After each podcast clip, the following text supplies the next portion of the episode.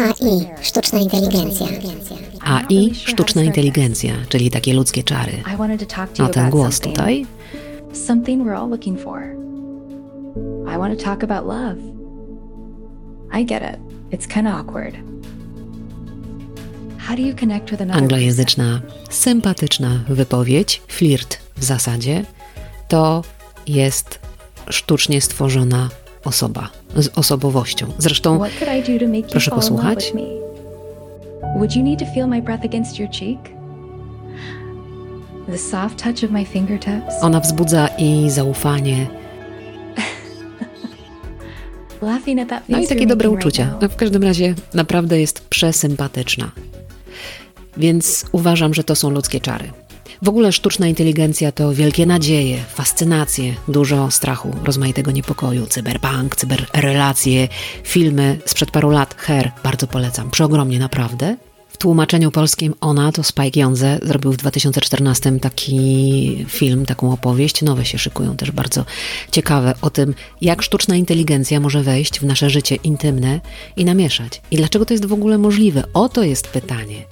I w ogóle wszystko się zaczyna od emocji. Kiedy słyszymy sztuczna inteligencja, to już nam się ta struna emocjonalna odpala, zanim nam się odpali taka twarda wiedza, której jest bardzo dużo i której możemy po prostu nie posiadać. I już, i nie ma problemu można korzystać ze sztucznej inteligencji bez tej całej wiedzy. No, każdy z nas już pogadał sobie z Alexą, Siri i tak dalej, i tak dalej. Każdy z nas zresztą ma na swoim koncie jakąś relację budowaną online z żywym człowiekiem, ale kto ma pewność, że tam jest żywy człowiek?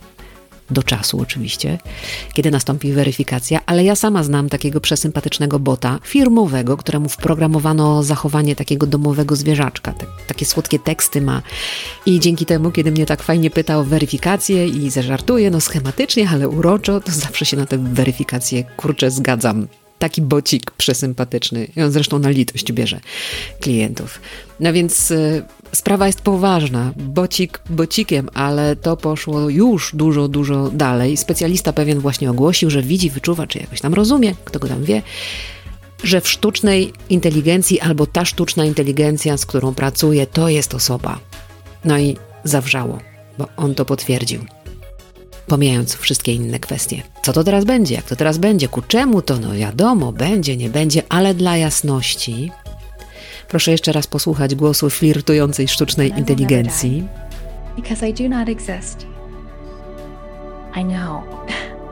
Sounds like something out of a movie, right? But it's real. So, could you love me? Ciepła, szczera dziewczyna. Hmm, o szczerość tu chodzi.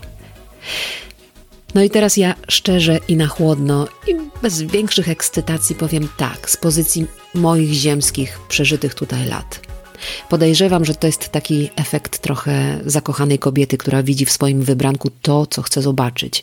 A w zasadzie on jest wynikiem pewnego rodzinnego czy społecznego oprogramowania. I oczywiście sporej dawki romantycznych filmów. Bardzo często czytam książek czy innych opowieści. Podobny do taty, niepodobny do taty, z tego bieguna, z tamtego bieguna. No tak my ludzie mamy i to zauważono już dawno, dawno temu. Jest ta zależność. Więc trochę jesteśmy taką zakochaną kobietą, kiedy myślimy o sztucznej inteligencji, która się uczy, samodostosowuje, która jest jednak oprogramowana, właściwie jest programem, ale bardzo dopieszczonym przez fachowców. I to dopieszczenie, podejrzewam, robi też ten dodatkowy efekt. To jest coś wyśnionego przez fantastów. To jest coś nieobojętnego w zasadzie nikomu. No i jest lepsza w takiej logice, szybsza przeliczeniowo od nas. Aktorsko świetna, chociaż nie ludzka, niby wiemy, ale to jest przefiltrowane tak bardzo przez człowieka, przez to, co człowiecze, że jest fascynujące, pociągające, że dajemy się wkręcić. I to też jest ok, bo to są zupełnie naturalne ludzkie odczucia i w dodatku zauważone dawno, dawno temu przez psychologów. Lustro, teoria lustra. Stworzył ją Jacques Lancan, jeżeli dobrze czytam to francuskie nazwisko, który zauważył, że tożsamość naszą budujemy poprzez dostrzeganie siebie w drugich. To jest kluczowe. Dlatego relacje, które utrzymujemy z innymi, ze sztuczną inteligencją także, bo czemu nie, są odbiciem albo projekcją pewnych aspektów naszej osobowości, tych, które lubimy albo tych, które nas denerwują których nie lubimy po prostu. Jeżeli wchodzimy w relacje ze sztuczną inteligencją, z człowiekiem także, to uruchamiamy te projekcje. Są na to absolutne dowody, zdecydowanie naukowe, więc myślę, że przez ten pryzmat można by było popatrzeć na sztuczną inteligencję. To my nadajemy jej to znaczenie dla nas, które ma. Oczywiście możemy pielęgnować w sobie przekonanie, że ona żyje swoim życiem i też potrzebuje przytulenia, ale to są nasze ludzkie fantazje, a my jesteśmy super fantastami. Wszyscy. Zbiorowo w ogóle. Wszyscy. Wszyscy. Co zresztą już widać nie tylko w aktualnym życiu politycznym. Zatem wielki strach przed sztuczną inteligencją jest prawdopodobnie jakimś tam wyrazem osobistego niepokoju w jakiejś sprawie albo niepohamowany zachwyt nad sztuczną inteligencją. Mhm, mhm, mhm. No cóż, efekt lustra. Ale warto jeszcze przypomnieć, że Carl Jung mówił, iż każda rzecz, która nas irytuje w innych, prowadzi do zrozumienia nas samych. Można by było to poszerzyć nie o irytację, ale o wszelkie silne emocje, o miłość, o zachwyt także.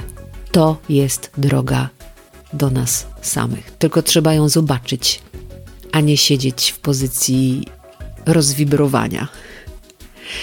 Zatem kontakt odważny, szczery, ale przez pryzmat siebie do siebie, na siebie ze sztuczną inteligencją poprowadzi nas w dobrą stronę.